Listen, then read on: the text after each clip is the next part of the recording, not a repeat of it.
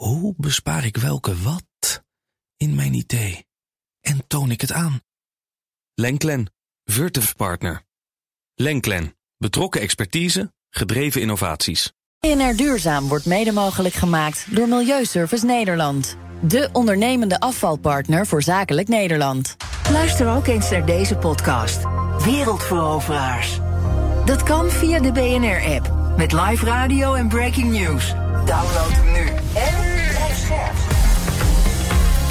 BNR Nieuwsradio. Duurzaam. Harm Edens. Op de Groene Weg naar 2030 gaan we het vandaag hebben over een mogelijke doorbraak in de markt voor biobased bouwen. Wat we kunnen verwachten van de laatste ontwikkelingen rondom kernfusie. En over de kop in Dubai. Gaat deze dagen natuurlijk veel over de COP28 in Dubai. En ik denk daar zo het mijne van. Op de eerste dag was er al een zogenaamd groot succes. Een Loss and Damage Fund was opgericht van waaruit de gevolgen van klimaatschade voor de armere landen moeten worden gefinancierd. Maar wie dit proces heeft gevolgd, weet dat dit plan was gemaakt op de vorige conferentie in Egypte. En mislukt. Tussentijdse onderhandelingen hebben daarna tot overeenstemming geleid. Dus met de COP28 had het niet zoveel te maken. Ondertussen beweerde de voorzitter van de klimaattop, Sultan Al-Jabbar, dat er geen wetenschap bestaat die aangeeft dat uitfasering van fossiele brandstoffen nodig is om de opwarming van de aarde te beperken tot anderhalve graden. En zei hij dat een uitfasering van fossiele brandstoffen geen duurzame ontwikkeling mogelijk zou maken, tenzij je de wereld terug wil brengen naar grotten. Kort geleden nog kwam Al-Jabbar in opspraak vanwege het voorbereiden van oliedeals onder de vlag van de conferentie. Volgende week maken we in dit programma de balans op. En om eindelijk eens echt vooruitgang te boeken, organiseren wij graag de COP29 hier bij BNR. Ik ben Harm Edens, dit is BNR Duurzaam. En ons groene geweten is deze keer Kelly Ruigrok van Global Sustainable Enterprise Systems. Uh, mooi nieuws uit de bouwsector, Kelly. Ja, het bericht komt van Ballas Nedam. Het gaat over het opslaan van CO2 in natuurlijke bouwmaterialen voor woningen. Mm Vervolgens reken je uit hoeveel geld dat waard is. En dat koppel je dan weer aan certificaten die je kan verhandelen. Dus een beetje vergelijkbaar met het emissiehandelssysteem dat we al langer kennen. Ja. Het heet uh, Construction Stored Carbon Credits. En Ballas Nedam gaat er als bouwbedrijf in de wereld mee starten. Ja, het is echt een primeur. Ze worden uitgegeven door de Climate Cleanup Foundation. Mooie club. En hoe werkt het in de praktijk precies? Weet je dat? Ja, we willen natuurlijk dat er in de bouw meer gebruik wordt gemaakt van biobased materialen. Moet je bijvoorbeeld ook denken aan hout, olifantsgras en stro. En niet alleen is de productie van die materialen veel minder schadelijk voor het klimaat. Ze nemen ook nog eens CO2 op. Ja. Niet voor even, want een gemiddeld gebouw staat al gauw 100 jaar. Uh, bouwbedrijven die dit soort materialen in nieuwe gebouwen verwerken, krijgen daarvoor dus die certificaten. Die vertegenwoordigen een bepaalde waarde in CO2-rechten en die kunnen ze vervolgens verkopen. Dus denk aan een bedrijf dat zijn eigen CO2-uitstoot niet snel genoeg naar beneden krijgt en dus moet compenseren. Zo krijg je dus een handelssysteem in emissies en wordt biobased bouwen ook financieel een stuk aantrekkelijker. Ja, dus uh, Ballas Nedam gaat het nieuwe systeem voor het eerst toepassen in Hezen in Noord-Brabant. Daar komen acht woningen die voor meer dan 95% uit biobased materialen bestaan. En snel daarna volgen grote bouwprojecten. En dat is hard nodig ook, hè, want de bouw zorgt nu voor 11% van de wereldwijde CO2-uitstoot. En dat moet echt naar beneden. Nog een kort ander bericht, dat gaat over windenergie. Ja, er is weer een maandrecord gebroken. De zon scheen niet heel veel, maar het waaide gelukkig wel flink. En daardoor werd in november maar liefst 35% van alle verbruikte elektriciteit in Nederland opgewekt door windmolens. Mhm. Dus alles bij elkaar opgeteld was de helft van de opgewekte stroom duurzaam. De cijfers komen van energieopwek.nl. De komende jaren gaat er nieuwe, gaan er nieuwe windparken op zee draaien. En de verwachting is dan ook dat dit percentage verder zal toenemen. Ja. De hoeveelheid zonne-energie was in november relatief laag. Maar, ik zei het al, de zon liet zich ook nauwelijks zien. Omdat er een kwart meer panelen liggen dan een jaar geleden... was toch nog 6% van de elektriciteit afkomstig van zonnepanelen. Ja, en uh, wat bleek, panelen zijn een stuk goedkoper geworden... dus laten we rustig zo doorgaan. BNR Duurzaam. De Amerikaanse overheid ziet in kernfusie een reële mogelijkheid om het klimaatprobleem op te lossen. Dat zei John Kerry afgelopen week. Hij is de klimaatgezant die door Washington naar Dubai is gestuurd voor de kop. Marco de Baar is als hoogleraar verbonden aan de Technische Universiteit Eindhoven en directeur bij het Dutch Institute for Fundamental Energy Research. Marco, welkom. Kernfusie dus, samen smeltende atoomkernen. Hoe zit dat precies? Nou, hoe zit dat precies? Uh, je, je, kunt energie opwekken door kernen te splijten, grote kernen te splijten. Mhm. En je kunt energie winnen door kleine kernen te versmelten. Uh, dat laatste is moeilijker, maar heeft heel veel voordelen. Uh, waar we het hier over hebben is het versmelten van twee typen waterstof, zogenaamd deuterium en tritium. Uh -huh. Dat versmelten vindt plaats bij een hele hoge temperatuur. En dan krijg je helium en een neutron en heel veel energie. Ja, en, en hoge temperatuur, dat is een eufemisme voor idioot heet, hè? 200 miljoen graden ongeveer. ja, dat vind ik behoorlijk heet. uh, ja. als, als, ik het allemaal op één hoop veeg, hè, uh, mag ik dan zeggen: uh, kernfusie is kernenergie zonder alle nadelen? Uh, nou ja, uh, ja, dat wil zeggen, het is inherent uh, veilig, in, inherent stabiel. En je, je, hebt geen langdurig afval. Dus dat, is, dat, zijn alle voordelen. het is heel erg duur en het is heel erg complex. Dus ik zou niet zeggen dat we van alle ellende af zijn. -hmm. Maar dat is wel het idee. Maar in ja. ieder geval uh, de, de, de, mogelijke rampen. Hoe, hoe kijk jij er tegenaan, Kelly? Ja, John, stel, het gaat mis in zo'n reactor. Dan krijgen we geen Fukushima-achtige toestanden, toch? Nee, gewoon, dat is dat, wat, wat er gebeurt is dat de reactie gewoon uitdooft. Dat kun je uh, fysisch aantonen. Dus de, de natuurkunde van de uh, fusiereactie is zo dat er geen runaway reactie kan plaatsvinden. En er zit ook heel weinig brandstof in de machine op ieder moment. Dus wat erin zit, gebruik je en dan ga je nieuwe brandstof toevoegen. Dus er is absoluut geen Fukushima of Chernobyl scenario denkbaar. Dat lijkt mij echt een groot voordeel. En stel nou dat we erin slagen om in een fusiereactor 1 gram van die waterstofsoorten die jij net noemde te verbranden. Hoeveel kilowattuur levert dat dan op? En als je dat dan ook nog even wil vergelijken met fossiele brandstof. Nou, het is, het, het is echt uh, ongelooflijk veel uh, efficiënter. Om in, uh, om, ik, ik, wil, in gram is misschien wat, wat abstract, mm -hmm. maar een wereldbewoner kan uh, al zijn energiebehoeftes halen uit een glas water en een, uh, en een uh, batterij. Dus die batterij zit lithium, dat is een van de grondstoffen die we gebruiken. Ja. Dat kan ik nog wel uitleggen. En uit het water halen we dan dat deuterium. Mm -hmm. en uit één glas en uit één batterij kun je dus genoeg halen voor de energiebehoeften van de mensen op aarde. Ja, in, in een jaar of in zijn hele leven bedoel je? In zijn leven. Ja, dat, dat vind ik nogal een verschil. Dat is, dat is echt onvoorstelbaar, zo'n vergezicht waar we naar kijken. Hè? Als je nou het, uh, het... De potentie is enorm. Ja. De potentie is echt enorm, maar, maar er zijn er wel flinke hobbels hoor. Mm -hmm. Dus, Daar gaan we het over ik, hebben. Ik ben natuurlijk uh, blij, met, blij met, met alle, alle positieve geluiden. Ja. Maar we moeten wel, uh, moeten wel eerlijk blijven. Nou is het fusieproject ter wereld is uh, ITER, uh, ITER in Frankrijk. Als ik daar een rondleiding zou krijgen, wat, wat zie ik dan voor me? Bij een ouderwetse kernreactor hebben we nog wel een beeld... maar bij kernfusie geen idee. Wat, wat gaan we zien? Uh, nou, je moet je voorstellen dat de fusiebrandstof, dat noemen we plasma... dat wordt opgeslagen met magneetvelden... En de natuurlijke vorm van magneetvelden is, is een ring...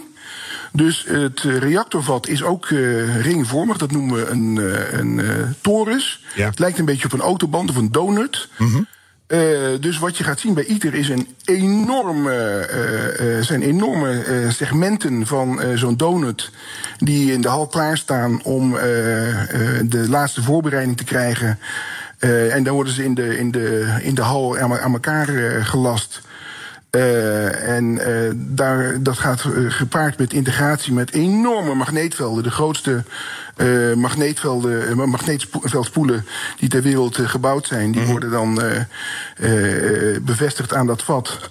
En dat is ongeveer waar we, waar we nu, nu zijn. Ja, dus maar... het is, het is ik zou zeggen, halverwege in opbouw. Oké, okay, maar dan heb je het over 200 miljoen graden Celsius. Dat is echt onvoorstelbaar heet. Hoe, hoe krijg je iets zo heet?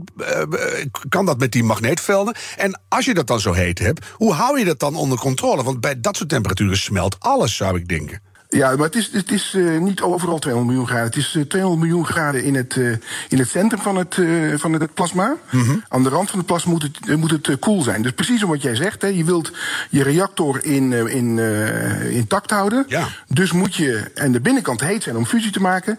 Aan de buitenkant moet je koud zijn om je reactorwand niet te, te zeer te beschadigen. Mm -hmm. En daartussenin heb je dus allerlei actieve regelproblemen. Om te zorgen dat die verdeling van de temperatuur klopt. En ook de, ver- de verdeling van, van de deeltjes. Dus je hebt allemaal vrij geavanceerde meetsystemen, eh, vrij geavanceerde real-time modellen die tegelijkertijd proberen om te schatten hoe eh, de, de, de, de vlam eruit ziet. En daar gaan we dan actief op, eh, op terugkoppelen. Ja. Dus dat is eigenlijk, dat is eigenlijk het, het, het, het moeilijke aan fusie. Hè? Die, die, die vlam, zoals ik al net uitleg, die, die, die staat niet van zichzelf te branden. Dan moet je echt, die, die, die, moet je, die moet je in leven houden. En dat is het grote voordeel. Want als het fout gaat, dan eh, gebeurt er niks engs. Maar het grote nadeel is dat je hem continu eh, aan, aan het balanceren bent. Zoals Ja. een stok op je vinger. Je bent ja. continu bezig om hem in, in, in evenwicht te houden. En als we nu kijken in de wereld, wa- want in Frankrijk wordt er veel aangeknutseld. De Amerikanen hebben de laatste jaren eh, heel veel tests uitgevoerd. en hebben nu eindelijk iets van een concreet resultaat gehaald. Als ik jou als eh, deskundige op afstand vraag, hoe ver zijn we? Wat zijn de grootste problemen en wanneer hebben we de eerste echte kernfusie-energie? Oké, nou, de, de, het grootste probleem is wat we eigenlijk al net eh, benoemden. het, het, eh, het enerzijds maken van een gloeiend heet plasma waar fusie in plaatsvindt. En anderzijds eh, een, koude, een koude rand. die, de, die de reactorwand heel houdt. Dat is enerzijds een materialenprobleem. We moeten materialen hebben die tegen hele hoge heatfluxen kunnen. Ja. Warmtefluxen. Ehm, dat moet je eh, valideren. Dus je moet machines maken die die materialen kunnen testen. Eh die materialen moeten ook tegen grote neutronenfluxen kunnen. Dus dat is ook een, eh, ook, ook een belangrijk issue. Moet, moet ook nog gevalideerd worden. Ja. Dan heb je allerlei actieve regelproblemen. En het zijn vrij gecompliceerde, vrij, vrij intri- intrinsieke regelproblemen. Dus dat is een belangrijke uitdaging. Het reactoronderhoud is een enorme uitdaging. Dus als je dat spannend vindt, moet je maar eens een keer kijken. Moet je maar zoeken ITER eh, Remote eh, Maintenance. Oh ja. Dan vind je allerlei eh, robot eh, toepassingen waarbij geprobeerd wordt om de, de machine te onderhouden aan de binnenkant van de machine. Maar er worden ook hele grote structuren uit de machine getrokken en naar een zogenaamde hotcell getransporteerd. Dat gaat met volledig autonome transportsystemen. Moet je je voorstellen, die componenten zijn eh, zo'n 25 tot 40 ton. Die worden gewoon uit de machine getrokken, volledig geautomatiseerd en volledig geautomatiseerd naar die hotcell getransporteerd. Oh ja. En daar worden ze robotisch eh, onderhouden. Dat, dat, soort, Ja. dat soort science fiction-achtige eh, toestanden praat je over. Ik, ik hoor. Het en, en dus nu, wat, wat, wat- een en al opstapeling van dingen. Ja, maar als je dat nou eh, Ja. samenvat, zou je kunnen zeggen... de, eh, wat, wat wetenschappers eigenlijk altijd al zeggen... wat we ook doen aan kernfusie, het blijft altijd 30 jaar weg. Of Ja. gaat dat nu veranderen? Nou ja, en ook inderdaad voor het publiek, voor zeg maar de normale mens. Wanneer wordt dit eh, eh, zo gecommercialiseerd dat het echt gaat versnellen? Hè? Wat denk jij daarvan? Precies, dus, dus dat is nou precies eh, de dynamiek die nu ontstaat. Eh, we hadden eigenlijk altijd één, één paard waar we op konden wedden. En dat was het, eh, het eh, paard waarbij we supergeleidende magneten maakten met niobium tin. En eh, daar hoort een bepaalde performance bij.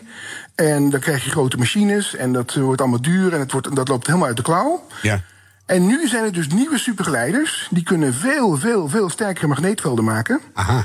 En als je sterkere magneetvelden kunt maken, kun je dezelfde performance halen in een kleine machine. En dat is eigenlijk eh, waar eh, de Amerikanen nu op inzetten. Dat eh, Commonwealth Fusion Systems heeft daar een enorme lijn op ingezet.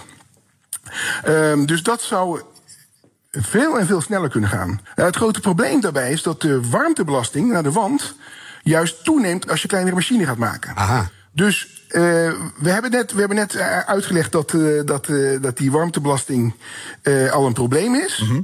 Eh, dus dat wordt, eh, wordt in zo'n compacte machine wordt het nog een groter probleem. En wordt dus het actieve regelprobleem om die warmteflux naar beneden te brengen, wordt dus eh, al- alleen, maar, alleen maar moeilijker. Ja, omdat je dan op een kleinere afstand die enorme temperatuurverschillen moet zien te, te krijgen, neem ik aan. Ehm, Precies, precies, precies. nou, precies. nou zei ik net al, bedrijfsleven begint zich ermee te bemoeien. Klimaatgezant Kerry uit de VS zei, we moeten gaan samenwerken. Krijgen we nu als wereld eindelijk eens een beetje het idee... we slaan de handen ineen en we gaan zorgen dat die fusie er komt? Wat denk jij? Nou, dus de, de wereld heeft al de handen ineen geslagen. Dat is ITER. Dus ITER is een globaal project. Daar, daar zit Europa in, eh, Amerika, Japan, Korea, Rusland. Moet ik ook nog even noemen, wel speciaal in deze tijd. Ja. Ehm, China. Maar daarnaast hebben de Chinezen een hele agressieve lijn afgekondigd. Die willen in vier jaar een reactor uh, gerealiseerd hebben. Dat is de zogenaamde BEST-reactor. Mm De Engelsen hebben een eigen programma gelanceerd. Dat is STEP. Die willen ook op korte termijn, ik denk als uit mijn hoofd tien jaar eh, een reactor gerealiseerd hebben. Oh ja. En de Amerikanen hebben dus nu aangekondigd ook in die uh, vaart en volken mee te willen gaan. En ook Duitsland heeft net een eigen programma afgekondigd. Dus de, de, zeg maar de, de beer is los. En uh, wat je nu gaat krijgen is, een, uh, is de andere kant van het verhaal. We hebben altijd samengewerkt en alles was open. En nu wordt het in één keer een race tegen elkaar. En Amerika heeft aangekondigd er eerder te willen zijn naar China. Ja, het lijkt me dus goed nu, hoor. Uh, een nu, beetje, nu, nu gaan de budgetten los. Een beetje race, dat levert altijd snelle resultaten op. BNR Nieuwsradio. Duurzaam. Harm Edens. Wat er in de zon gebeurt, willen we nabootsen op aarde. om zo een oneindige hoeveelheid duurzame energie op te wekken. Kernfusie klinkt als muziek in de oren. Toch moet er nog heel wat technisch gehiccup worden opgelost. De hitte onder controle houden, om maar een voorbeeld te noemen. We hadden het er net al over. Marco de Baar is van het Dutch Institute for Fundamental Energy Research. en weet veel over deze nieuwe technologie. En Kelly Ruigrok is ons groene geweten. Marco, het is een waanzinnig complexe onderneming, zo legde je net al uit. Is het wel goed dat we in Europa meer gaan investeren in de ontwikkeling van kernfusie? Ja, dat, uh, dat, dat gaan we zeker doen. Uh, er zijn ook nu commerciële partijen in Europa die, uh, die opstaan. een hele belangrijke is Gauss Fusion. Dat is een, een consortium van grote technologiebedrijven uit onder meer Duitsland, maar ook, ook uit andere landen. En die proberen eigenlijk nu bepaalde stukken fusietechnologie te integreren. En, en die willen eigenlijk tot een, tot een Europese commerciële activiteit komen. Dus ook in Europa denk denken we dat, eh, dat eh, het echt losgaat eh, nu. Ja, dat is natuurlijk heel hoopgevend. Hoe hoopgevend vraag ik zo nog aan je. Maar het gaat ons ondertussen niet helpen om de klimaatdoelen van 2050 te halen. Dus we moeten blijven investeren. Nee, natuurlijk niet. Dit zijn twee, twee sporenbeleid is het, denk ik. Nee, nee, dus, dus, dus, dat is heel belangrijk. Dat is een heel goed punt. Ik ben heel blij dat je dat, dat, je dat maakt, anders had ik het zelf al gemaakt. Mm -hmm. uh, het is niet of fusie of renewables. En we moeten nu als de donder renewables in de, in de markt uh, zetten. En we moeten zo snel mogelijk uh, heel veel uh, schone elektriciteit gaan opwekken. Stap 2 is dat we dan gaan werken aan conversie en opslag van die uh, schone elektriciteit. Dan moet je denken aan, uh, aan, uh, aan chemie, waterstof, synthetische kerosines. Mm -hmm. dat, soort, dat soort toepassingen, misschien ook wel ammoniak. Ja. Maar dus dat gaan we doen. En daarna gaan we dus de hele, de hele industrie gaan we elektrificeren. -huh. Dat betekent dat er een enorme toename gaat komen, nog een keer in de elektriciteitsvraag. En dat betekent dat we op een, op een moment misschien wel moeten gaan zeggen: van goh, we hebben nog steeds behoefte aan aan meer elektriciteit of we hebben behoefte aan, aan hoge temperatuur, warmte. En daarvoor is, is kern heel erg geschikt. Stel Marco, wetenschappers kraken de code. Hoe kan onze energievoorziening met kernfusie er dan in de toekomst uitzien? Gaan we dan in Nederland meerdere reactoren zien? Worden windturbines en zonnepanelen overbodig? Nou, ik denk het niet, dat hadden we het net al over. Maar vertel. Nou, ik, ik ben ervan overtuigd dat uh, turbines en, en, en zon nooit overbodig zal zijn. Omdat die het hele, hele uh, gunstige eigenschap hebben. Ze kunnen namelijk heel goedkoop uh, produceren als ze produceren. Dus ik, ik denk dat in, een, in, een, in een energiesysteem wat, wat je wilt hebben, dat, dat, dat moet enerzijds robuust zijn en, en stabiel zijn en leverzeker zijn. Mm -hmm. En anderzijds het zo goed, goed, goedkoop mogelijk hebben. Dus die aspecten, die, die, die, die enorme lage prijs van de is een enorme. Een enorme factor. En er zal een mix ontstaan, denk ik, tussen, tussen enerzijds uh, renewables. Uh, die op grote schaal zullen worden toegepast. We zullen denk ik ook naar een systeem toe gaan waarbij we een heel stuk van de chemie die we gaan elektrificeren, dat we dat gaan doen in conjunctie met grote zonneparken die elders staan. Denk, denk Marokko, denk Saudi-Arabië. -hmm. Uh, en ik denk dat we dan daarnaast uh, een aantal uh, inherent veilige laag afval kerncentrales willen hebben, waaronder fusie. Ja, en dan ik denk dat dat een mix wordt. Dan natuurlijk de, de echte Nederlandse vraag daarbij. is het niet heel duur allemaal? ja, ongetwijfeld. Het is ook heel duur om het niet te doen. Ja. Dus dat is, dat is denk ik de, het, het, het, het, Nederlandse antwoord dat, wat ik daarop moet geven. Uh, je, je, je praat over uh, de prijs van, van leverzekerheid en netstabiliteit. Hoe, hoe, hoeveel mag dat kosten? En ik denk dat dat best een prijskaartje mag hebben. Dus als jij uh, en netstabiliteit kunt, uh, kunt garanderen door middel van deze technologie, mm. dan, uh, dan is, dat, is dat heel fijn. Ja, nou geeft kernfusie-energie, en laten we hopen dat het er snel komt, toegang tot een vrijwel onbeperkte energievoorziening. Zijn wij al in staat met z'n allen om de gevolgen hiervan in te schatten op economisch en politiek niveau? Hebben jullie het daarover?